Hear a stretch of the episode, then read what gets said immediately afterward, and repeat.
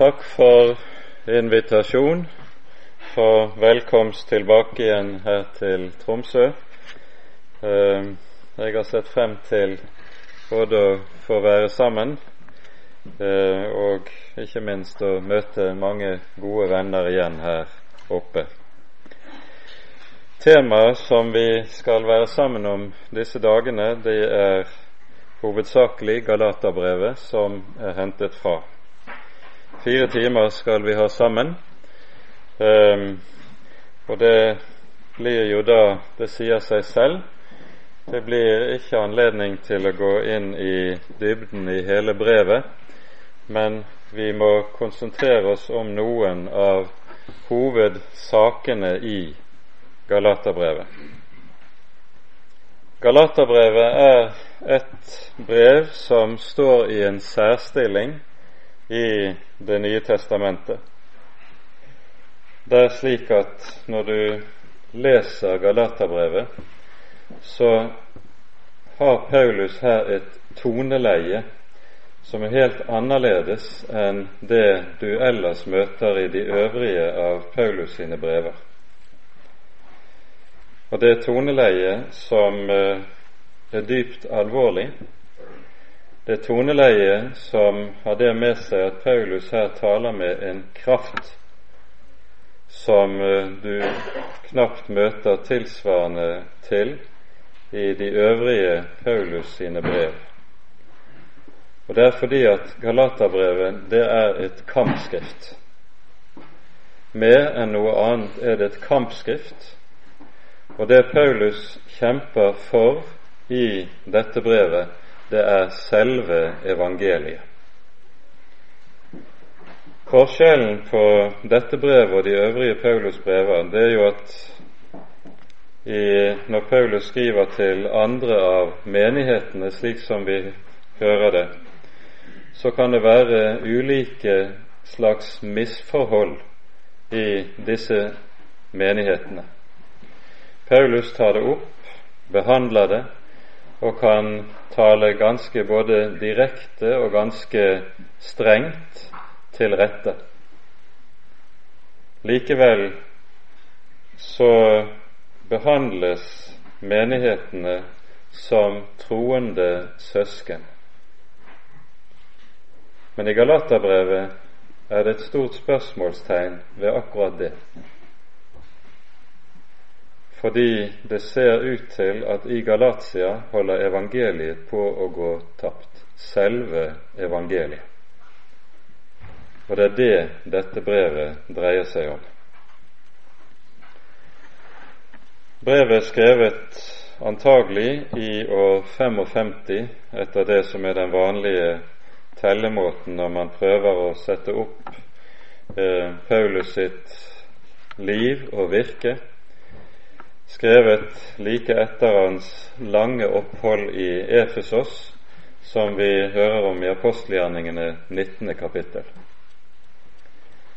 Paulus har besøkt Galatia både på sin andre og sin tredje misjonsreise. Og Galatia er et større landområde i det som er dagens Tyrkia. Og det handler da antagelig om ikke bare én menighet, men helt, et helt knippe av menigheter i dette landområdet. Så brevet er dermed også et rundskriv til alle disse menighetene. Menighetene er blitt til ved Paulus virke i dette området. I apostelgjerningene hører vi svært lite om Paulus virke her. Det bare nevnes at han har reist igjennom området. Og Det sier litt om at selv der apostelgjerningene synes å ha svært lite å berette, så har det likevel antagelig skjedd svært meget i apostelens virke. Og så er menighetene i Galatia blitt til. Det er unge menigheter og det er menigheter som i all hovedsak består av hedninge kristne. Så har det dukket opp i Paulus' fotspor en gruppe predikanter som må betegnes som vranglærere, idet de har det med seg at de forvansker og ødelegger det evangelium som menighetene har fått høre, som menighetene har fått del i frelsen gjennom å lytte til Paulus sin forkynnelse. Disse vranglærerne de kaller man gjerne for judaister. Og betegnelsen henger sammen med at det vi leser i brevet, det er at de vil ha galaterne til, som jo er hedningekristne, de vil ha dem til å omskjære seg, og dermed også at de skal pålegges å overholde hele Moselov. Antagelig har forkynnelsen deres dreiet seg om dette at de har sagt omtrent følgende Nå har dere hørt Paulus' forkynnelse. Han har lagt et godt grunnlag, men dere må ikke stanse på halvveien. Hvis dere skal bli ordentlige kristne, hvis det skal bli ordentlig alvor med deres kristendom, da må dere gå videre. Og så har de talt om forpliktelsen på Moselov. De kunne jo gjerne vifte med at de var bibeltro, for de pekte nettopp på det som står skrevet i de hellige skrifter. Og Paulus satte jo aldri spørsmålstegn ved de hellige skrifter, ved det som var gitt i Det gamle testamentet. Tvert om. Paulus sier uttrykkelig når vi hører ham i apostelgjerningene, kapittel 24, når han holder sin første forsvarstale, så sier han at han tjener således sine fedres Gud, at han tror alt som står skrevet i loven og profetene. Paulus sin forkynnelse var en forkynnelse grunnet på Det gamle testamentet, budskapet som er gitt der. Og hele tankegangen både hos Paulus og hos Jesus når det gjelder dette, det er at de ikke kommer med noe tillegg til Det gamle testamentet. I stedet er det de gjør, det er at de forkynner den rette forståelse av Det gamle testamentet. Og det er her du finner den avgjørende forskjell på jødedom og kristendom. For det som jo er det forunderlige i den første kristne tid, det er at brått står det to religioner side ved side jødedom og kristendom. Og disse to religioner har de samme hellige skrifter. Vi skal jo huske på at for den eldste kristne menighet så fantes det enda ikke noe Nye testamentet. Det som var de første kristnes bibel, det var Det gamle testamentet.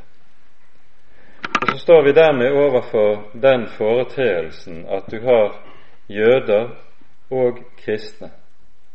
To ulike religioner som har den samme hellige skrift. Og så kan man stille seg spørsmålet hvordan kan det være mulig? Jo, dette er jo mulig fordi Jesus lærer sine disipler å lese Det gamle testamentet. Dere vil huske fra Lukasevangeliets 24. kapittel, når vi hører om oppstandelsen, så gjester Først besøker Jesus disse to Emmaus-vandrerne, og det står om dem at han opplot deres øyne så de kunne forstå Skriftene. Og dette er jo den store forskjell. Emmausvandrerne, de har eh, Når de vandrer ut fra Jerusalem etter katastrofen på langfredag, så er de dypt fortvilet, de er dypt forvirret. For de forstår ikke hvorfor Jesus skulle korsfestes. De sier, når Jesus spør dem hva det er de går og taler sammen om på veien, så sier de til ham vi håpet at han var den som skulle forløse Israel. Men så er han altså korsfestet.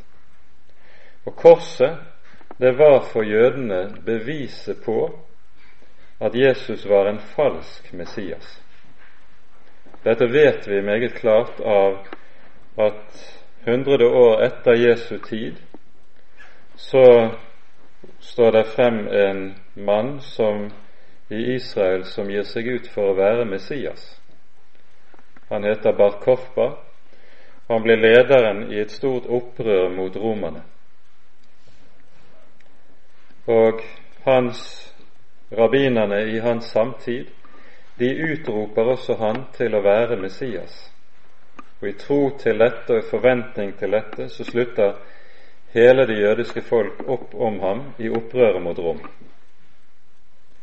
Opprøret slås ned, Bar Korpa drepes, og så må de innse han var ikke Messias likevel. For en død Messias er en falsk Messias. Det var dette som var disiplenes problem, og dette ser vi jo som et hovedtrekk i evangeliene. De skjønner ikke Skriftene, og derfor skjønner de heller ikke hvorfor Jesus skal dø. Og så er det at Jesus må lukke opp Skriftene. Og det står om disiplene at når de har begynt å se, så sier de brente ikke våre hjerter i oss da han lukket opp Skriftene for oss på veien.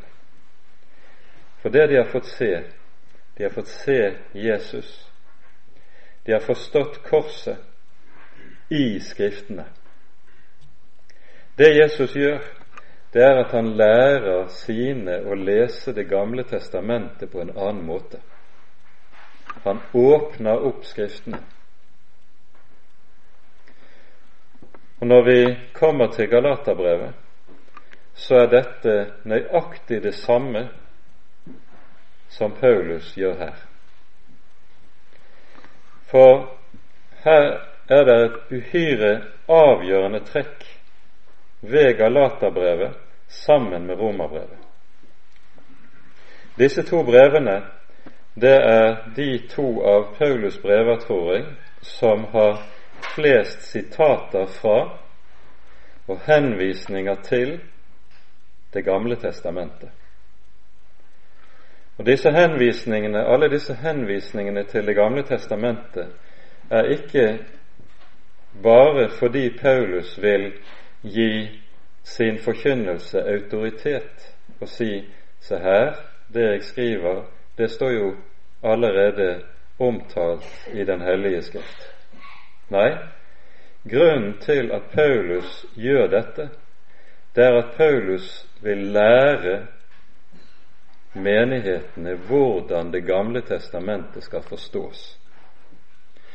Og den nøkkel som han rekker menighetene i Galaterbrevet, den nøkkelen heter forskjellen på lov og evangeliet. Skal Skriften forstås rett, så må den leses i lys av lov og evangeliet. Gjør en ikke det, så vil en alltid misforstå Den hellige Skrift. Her er det altså at Jesus og Paulus står sammen i dette og lukker opp Skriftene og hjelper menighetene ved å rekke dem denne nøkkel til de hellige Skrifter. Det er noe av det som er hovedsaken med Galaterbrevet.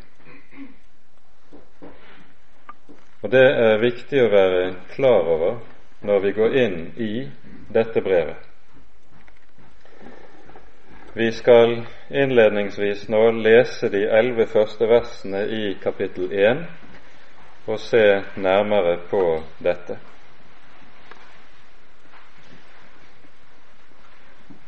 Paulus apostel, ikke av mennesker eller ved noe menneske, men ved Jesus Kristus og Gud Fader som reiste ham opp fra de døde, og alle brødrene som er sammen med meg, til menighetene i Galatia. Nåde være med dere, og fred fra Gud Fader og vår Herre Jesus Kristus, Han som ga seg selv for våre synder, for å fri oss ut av den nåværende onde verden, etter vår Guds og Faders vilje. Ham være æren i evighet. Amen. Jeg undrer meg over at dere så snart vender dere bort fra Ham som kalte dere ved Kristi nåde, til et annet evangelium, skjønt der ikke finnes noe annet. Det er bare noen som forvirrer dere og vil forvrenge Kristi evangelium. Men selv om vi eller en engel fra himmelen skulle forkynne dere et annet evangelium enn det vi har forkynt dere, han være forbannet. Som vi før har sagt, så sier jeg nå igjen, om noen forkynner dere et annet evangelium enn det dere har mottatt, han være forbannet. Søker jeg nå å bli anerkjent av mennesker eller av Gud? Eller søker jeg å gjøre mennesker til lags? Dersom jeg ennå søkte å være mennesker til lags, da var jeg ikke Kristi tjener. Jeg kunngjør dere brødre at det evangelium som er blitt forkynt av meg, ikke er menneskeverk.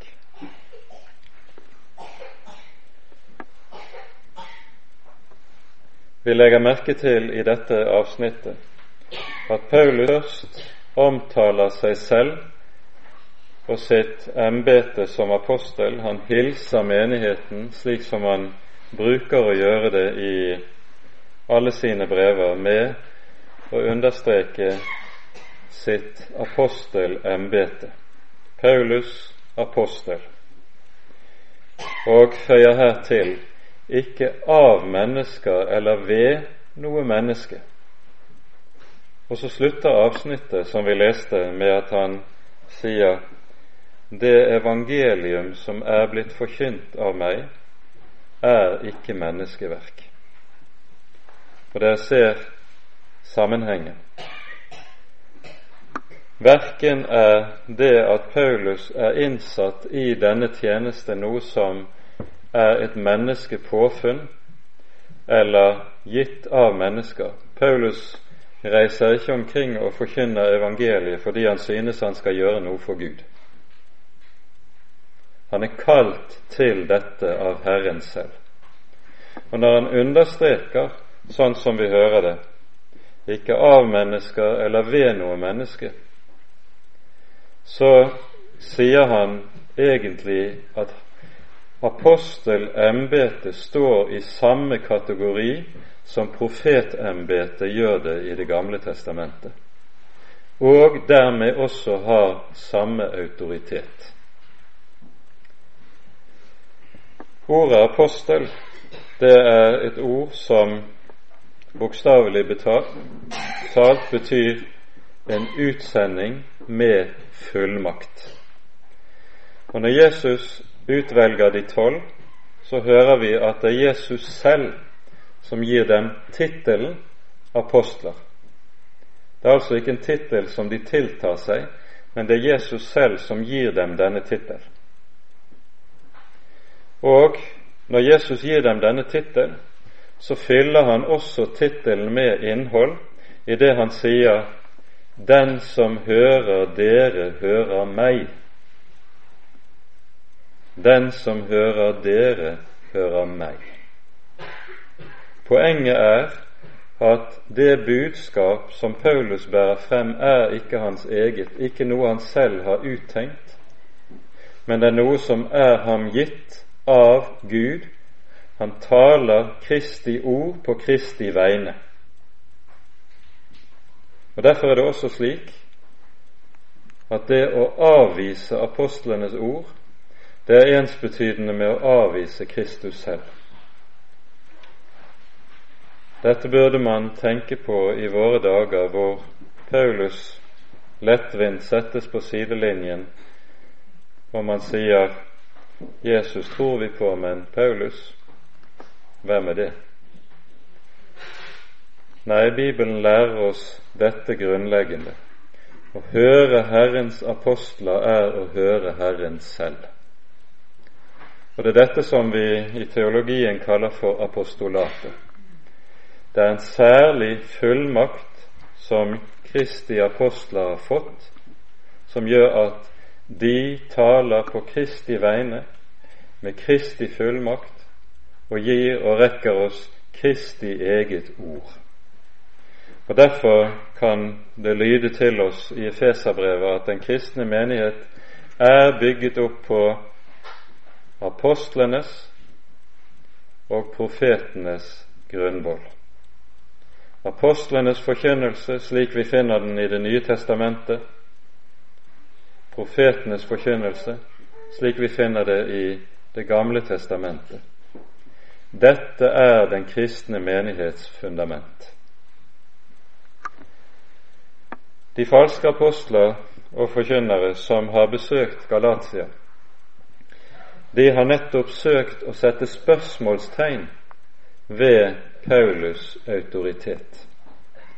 Dette ser vi skje igjen og igjen for Paulus sitt vedkommende. Ikke minst ble det et stort problem for apostelen i Korint. Så godt som hele andre korinterbrev handler om det problem som Paulus står overfor når falske predikanter reiser omkring og søker å undergrave Paulus' autoritet som apostel. Og det er noe av det samme som har skjedd i Galatia.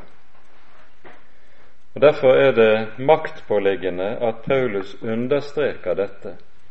Når han er en Herrens apostel, så er han det ikke av mennesker eller ved noen mennesker. Kallet er ikke kommet til ham gjennom noe menneske, men gjennom Kristi egen åpenbaring i det som skjedde utenfor Damaskus. Det skal vi komme tilbake til. Derfor taler apostelen altså med en myndighet, med en fullmakt og en autoritet som ingen annen har, og som skiller seg fra enhver annen myndighet og autoritet i den kristne menighet.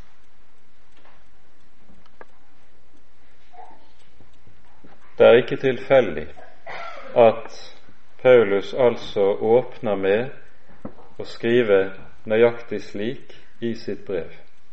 For med det så understreker han samtidig overfor menigheten hvor det budskap han bærer frem, kommer fra. Det kommer fra Herren selv. I første Korinterbrev sies det om evangeliet. Det er det som intet øye har sett, intet øre har hørt. Det er det som ikke er oppkommet i noe menneskers hjerte. Det som Gud har åpenbart. For det er evangeliet. Det er noe som er gitt og åpenbart av Gud fordi evangeliet er noe som er det falne mennesket vesensfremmed.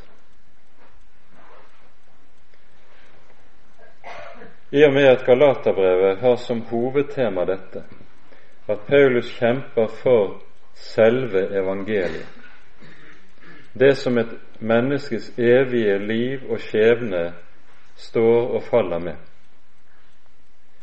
så åpner også brevet med at han ganske kort understreker og holder frem hva evangeliet egentlig er. Og Det gjør han fra vers 3 til 5 i innledningen til brevet, der han først kommer med den apostoliske hilsen Nåde være med dere og fred fra Gud Fader og vår Herre Jesus Kristus. Denne hilsen skal vi ikke springe fort over, som om det var noe vi kunne. For når apostelen skriver slik, med disse to grunnordene, nåde og fred, så er det med tanke på at dette er det som skal være de bærende elementer i alt kristent liv.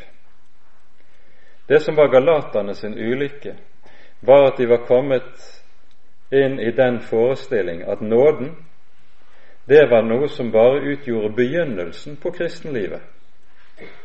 Ja, de ble frelst av nåde, men så måtte de gå videre. Når Paulus her sier, sånn som vi hører det, nåde være med dere, så sier han med det nåden er ikke noe dere skal utvikle dere bort ifra, noe dere skal gå videre fra, noe som dere skal bli ferdig med. Nåden er det som skal være selve det bærende gjennom hele det kristne liv, både begynnelsen og enden. Nåde betyr, som dere alle vet, det at Gud gir sin frelse, syndenes forlatelse, for intet. Og det er dette for intet som er evangeliet. Det er dette for intet som er selve temaet i Galaterbrevet. Og det er dette for intet som er så uhyre vanskelig for det falne mennesket virkelig å forstå. For det falne mennesket, det er av natur en fariseer. Derfor er det slik også at evangeliet alltid kommer til det falne mennesket som noe som er dypt, dypt fremmed. Derfor er det også slik at det falne mennesket alltid på en eller annen måte vil søke å dreie på evangeliet eller forvanske evangeliet, slik det var skjedd blant galaterne. Evangeliet handler om, nåden hviler på, at vår Herre Jesus Kristus ga seg selv for våre synder, for å fri oss ut av den nåværende onde verden, etter vår Guds og Faders vilje. Her hadde det vært godt å kunne stanse opp for hvert enkelt ord som holdes frem for oss, men vi skal peke bare på to saker. For det første, når Paulus her, som overalt ellers i brevene, kaller Jesus for Herre, så bruker Paulus med det den tittel på Jesus som henger sammen med Det gamle testamentets Guds navn. Jesus er Herren. Når du leser Det gamle testamentet, så er Herren det er Guds navn som du møter om igjen og om igjen gjennom de hellige skrifter. Og Apostlenes forkynnelse har som sitt ene hovedpunkt dette Jesus er Herren. Jesus er Det gamle testamentets Gud. Jesus er den som talte til Moses ved tårnebusken som førte Israel ut av Egypt og gjennom Det røde hav, Han er den Gud som åpenbarte seg for folket ved Sinai og ga de ti bud. Han er Herren.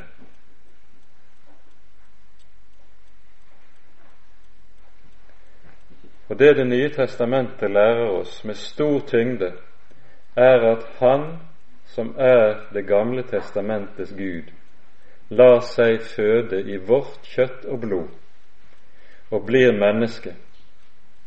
Blir menneske slik at når han lider døden på korset, så er det Gud som dør i synderes sted. Og det er den andre hovedsannhet. Når Gud blir menneske, er det med dette ene for øye å dø i synderes sted. Og her er det vi møter det største under som evangeliet bærer med seg. I andre religioner så kan du høre om mennesker som dør for sin Gud, martyrer som ofrer alt. Evangeliet handler ikke om det. Det handler om at Gud dør for mennesket. Han dør ikke for fromme mennesker, for rettferdige mennesker, for helliggjorte mennesker. Han dør for ugudelige. Han dør for syndere, for mordere, for drapsmenn, for horkarer, for gudsbespottere. Gud dør for syndere. Det er det som er underet. Det er det som er så vanskelig for oss på ny og på ny riktig å kunne fatte og ta inn over oss. Han døde for oss, ga livet for oss, for å fri oss ut av den nåværende onde verden. Her forkynnes evangeliet. Og så kommer det umiddelbart i vers 6. Jeg undrer meg over at dere så snart vender dere bort fra ham som kalte dere ved Kristi nåde, til et annet evangelium.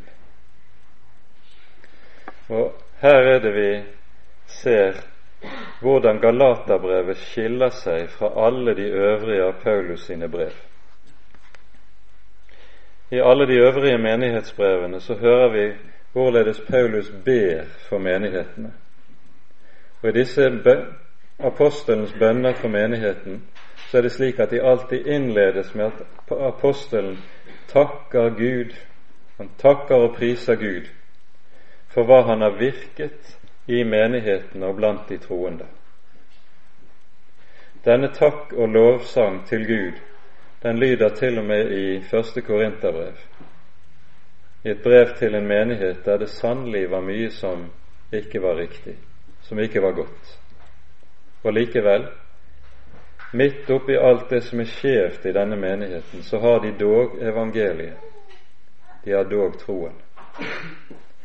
Galaterbrevet er det eneste av apostelens brever som ikke begynner med en takksigelse, men altså med dette det motsatte. Jeg undrer meg over at dere så snart vender dere bort fra ham som kalte dere ved Kristi nåde. Og så går apostelen direkte til saken, det som er problemet i Galatia. Og vi legger merke til måten han ordlegger seg på. Når de har vendt seg bort fra evangeliet, så sier han også med det dere vender dere bort fra ham som kalte dere. Det å forlate evangeliet, det er å forlate Gud. Det å miste evangeliet, det er å komme bort fra Gud. Og Derfor er det også apostelen kan si i det femte kapittelet dere er falt ut av nåden, dere som vil rettferdiggjøres ved loven. Dette er det dype alvor ved det som har skjedd i Galatia. De har tapt selve evangeliet. og med det har de også mistet Han som er sin Herre. I første Korinterbrev så hører vi Paulus gå i rette med en mengde ulike misforhold i denne menigheten. Men vi hører aldri at evangeliet selv har vært truet. I Galatermenighetene hører vi ikke om noe misforhold. Antagelig har det vært slik at det aller meste var på stell i disse menighetene. Og likevel selv om alt tilsynelatende ser ut til å være rett, så er likevel alt galt, for evangeliet er tapt. Jeg undrer meg over at dere så snart vender dere bort fra Han som kalte dere ved Kristi nåde, til et annet evangelium, skjønt det ikke er noe annet. Det er bare noen som forvirrer dere og vil forvrenge Kristi evangelium. Det ordet som er oversatt med å forvirre, det betyr at et menneske mister orienteringsevnen. Og det er nettopp det som skjer der falsk forkynnelse kommer inn. Da mister man orienteringsevnen. Hvis falsk forkynnelse, vrang lære, ikke avvises, så fører det alltid til forvirring i menighetene. Og menighetene taper selve evnen til å orientere seg. Til å orientere seg både i Guds ord og i alt det som har med åndslivets saker å gjøre. Dernest lyder det og vil forvrenge. Uttrykket som brukes i grunnteksten, er mye sterkere. Det står at de ønsker å forvrenge Kristi evangelium. Det er altså tale om en bevisst vilje hos disse vranglærerne. Det er ikke slik at de bare har misforstått noe og av den grunn har en forkynnelse som ikke helt holder mål. Men det taler om en forkynnelse som målbevisst søker å forfalske evangeliet. De ønsker å forvrenge Kristi evangelium, står det.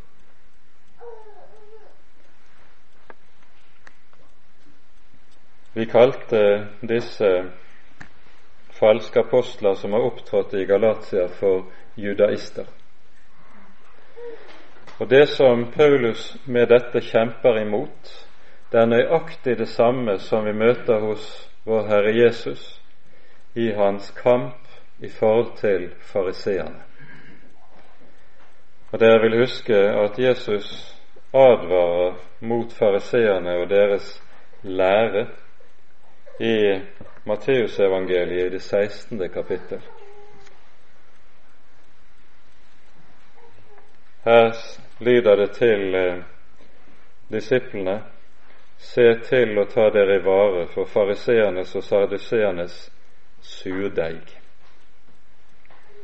Til å begynne med misforstår disiplene Jesu tale og tror han taler om brød i bokstavelig forstand.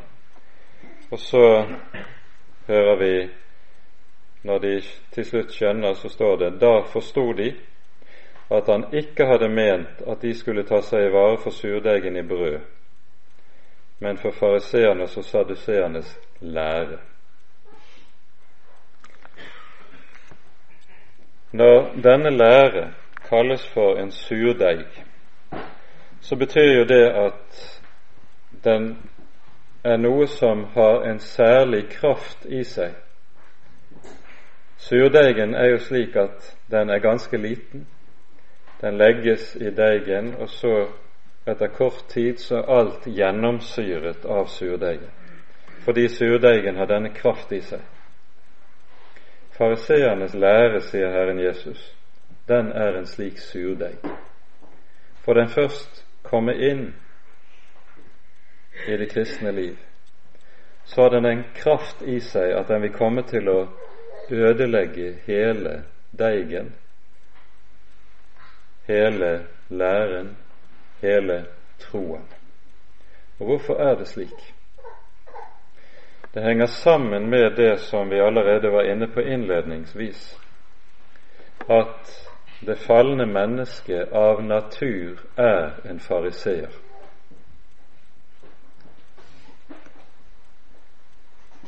Fariseeren, eller fariseismen, hører med til det naturlige menneskets religiøsitet. Og Derfor er det også slik at når du leser en del av det som er det fariseiske trossystemet, så er det et trossystem som virker meget fornuftig. Man kunne noe forenklet sammenfatte det slik Gud må vel være fornøyd med at jeg gjør mitt beste.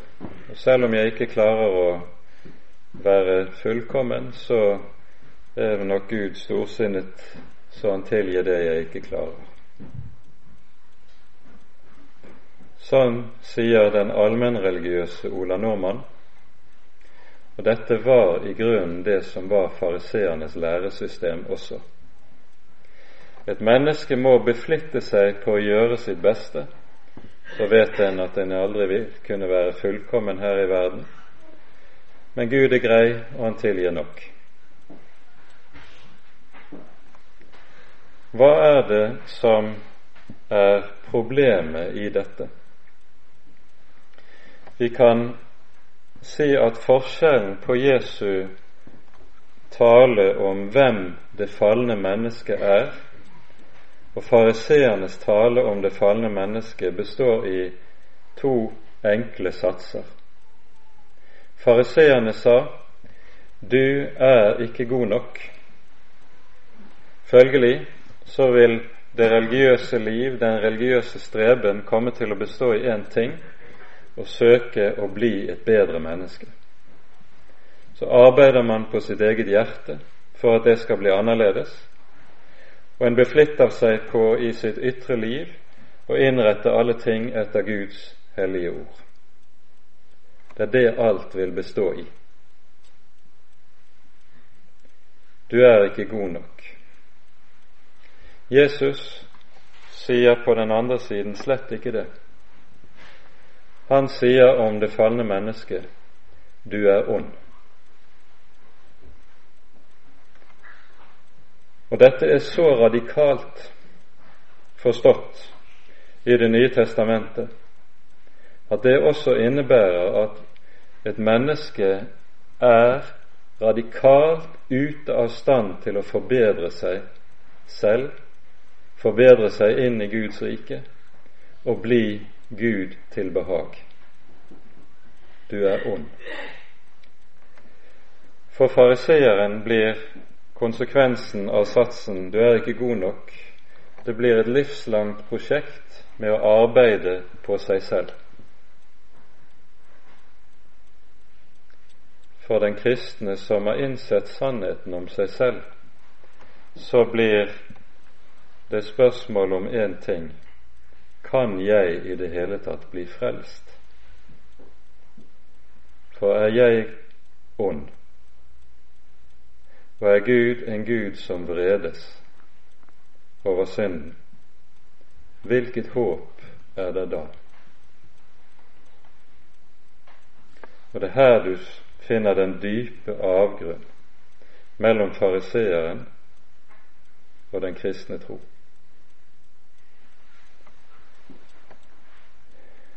Evangeliet dreier seg om at for det mennesket som er håpløst fortapt på grunn av at det er ondt, for dette menneskets skyld trer Gud inn i verden og lider døden. Lider døden på et kors i ytterste vanære. Lider døden for å frelse det som var fortapt. Det er kristen tro. Og Derfor er det at Paulus kan, når han vender tilbake til det samme spørsmål som vi hører her i innledningen til brevet i kapittel 3, så stiller han spørsmålet der hvem er det som har forhekset dere? dere som har fått Jesus Kristus malt for øynene som korsfestet. Med disse ordene så beskriver Paulus den forkynnelsen som han har båret frem i Galatia. De har fått høre et budskap om Jesus, malt for deres øyne, som korsfestet. Og ved dette budskap har de fått del i frelsen. De har fått del i frelsen ikke gjennom å arbeide på seg selv, men gjennom å høre et evangelium. Et evangelium som har det med seg, som Paulus sier i innledningen til romerbrevet. Evangeliet er en Guds kraft til frelse. Kraften til frelse ligger ikke i menneskets egen arm, ikke i menneskets egen bryst, men det ligger i et bestemt budskap i evangeliet.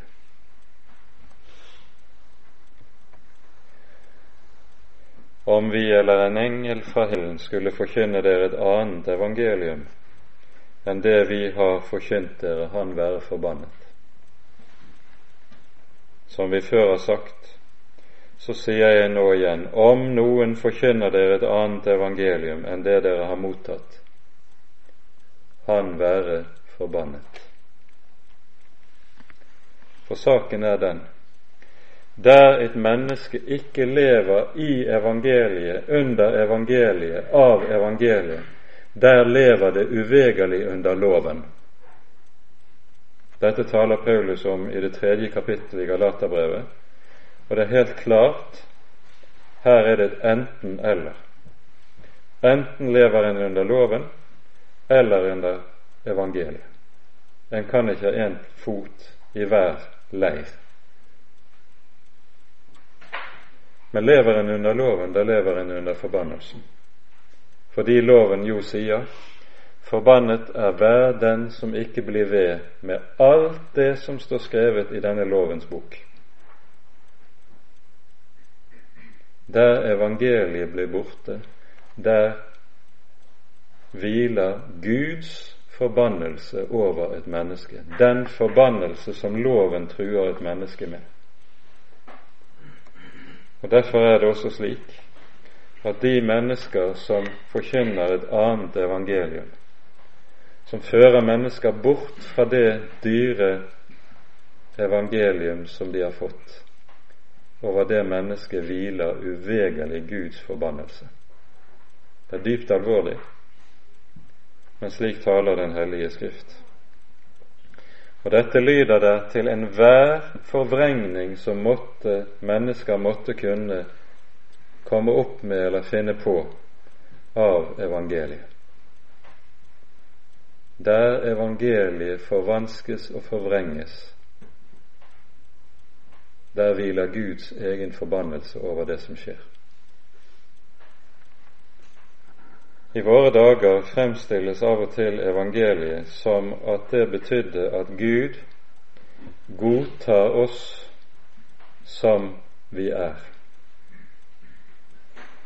Den slags evangelium blir ofte fremsatt i våre dager. Det er ikke sant. Evangeliet er ikke et budskap om at Gud godtar oss slik som vi er. Det er jo nettopp det han ikke gjør. Det er nettopp det som Guds hellige lov åpenbarer at han ikke gjør. Han kan ikke godta oss slik som vi er. Evangeliet er i stedet et budskap om at Gud elsker oss på tross av at vi er de vi er. Evangeliet er et budskap om at han lar sin sønn dø som stedfortreder for oss, nettopp fordi vi er slik som vi er. Det er evangeliet. Og så har han elsket oss slik at han ga seg selv i vårt sted. Evangeliet er alltid et budskap om stedfortrederen som dør for ugudelige. ikke om en Gud som ikke tar det så nøye, og derfor godtar alle uten videre. Derfor er det vi også, om du lytter f.eks. til mang en radioandakt i våre dager på NRK radio, så vil du kanskje ganske ofte legge merke til at det tales meget om Gud,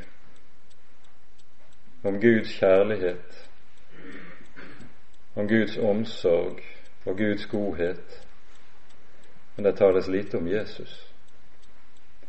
Det tales enda mindre om stedfortrederen. Og så skal du vite at det tales aldri rett om Guds kjærlighet hvis det ikke tales om korset. For i første Johannes brev står det slik I dette er kjærligheten, ikke at vi har elsket Gud, men at Han har elsket oss først og gitt sin Sønn til soning for våre synder. Guds kjærlighet er åpenbart ett sted i historien, på en bestemt måte i historien, på et kors. Og det er det som er evangeliet. Og der dette forvanskes, der har man ikke lenger med evangeliet å gjøre. Det er et annet evangelium som er under forbannelse.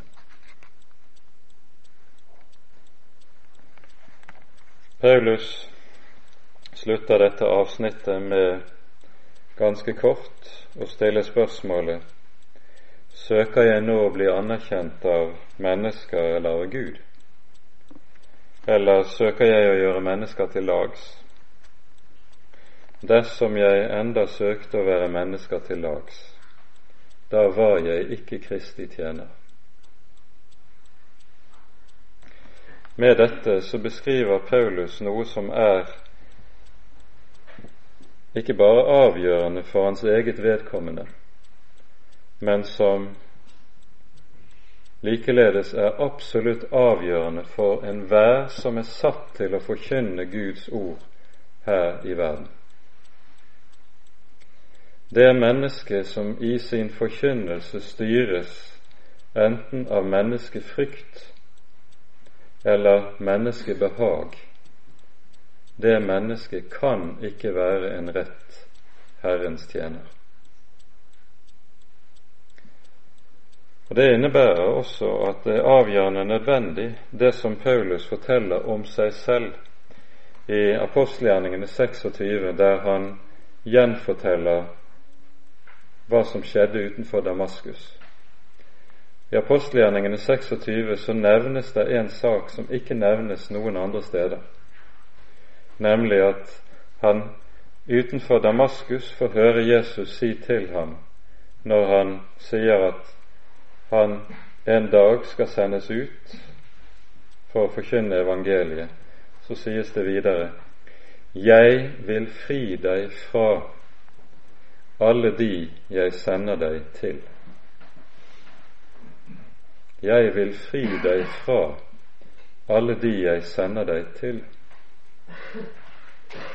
Det er nettopp å være så å si befridd fra de en taler til, på en slik måte at en rett forstått ikke tar hensyn til hva tilhørerne måtte ønske, måtte like, hva som måtte klø dem i ørene, for å bruke et uttrykk fra Nytestamentet.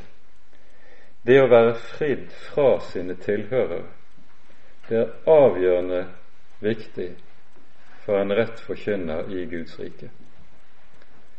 For hvis en lar sin forkynnelse styre av menneskelige hensyn, hensynet til hva mennesker tenker eller mener eller liker, da står en nettopp i fare for å komme dit hen som Paulus her advarer imot. Jesus sier til fariseerne i eh, Johannesevangeliet 5 hvordan kan det, kjærligheten til Gud bli i dere dere som tar ære av hverandre. Det er samme sak det dreier seg om i dette her. Paulus har nettopp i sin tjeneste som apostel vært fri fra mennesker. Og Derfor har han stått der som den som har forkynt et evangelium som har det med seg at det er det som ikke oppkom i noe menneskes hjerte. Det naturlige mennesket, fordi det er en fariseer, det reagerer alltid på evangeliet dersom det lyder klart, rent og sterkt. Så reagerer det på evangeliet med anstøt, motstand, protest. Det er det naturlige menneskets reaksjon. For evangeliet, fordi det er noe som ikke kommer fra oss, det er noe som må åpenbares. Derfor oppleves det alltid av det naturlige mennesket som fremmed. Paulus taler om dette i 1. Korinterbrev kapittel 1. Det er en dårskap. Det er et anstøt, taler han om og peker på det der. Det som var galaternes ulykke, var at de hadde latt dette anstøt mot evangeliet få rom hos seg. Og så er de kommet inn under loven. De har kommet inn under fornuftens religiøsitet, som handlet om vi får prøve å gjøre vårt beste. Så er Gud god og vil nok sørge for at vi da kommer hjem. Det er ikke kristendom. Det skal vi tale mer om i fortsettelsen, men vi setter punktum for første time her. Ære være Faderen og Sønnen og Den hellige ånd, som bare er og være skal en sann Gud, høylovet i evighet. Amen.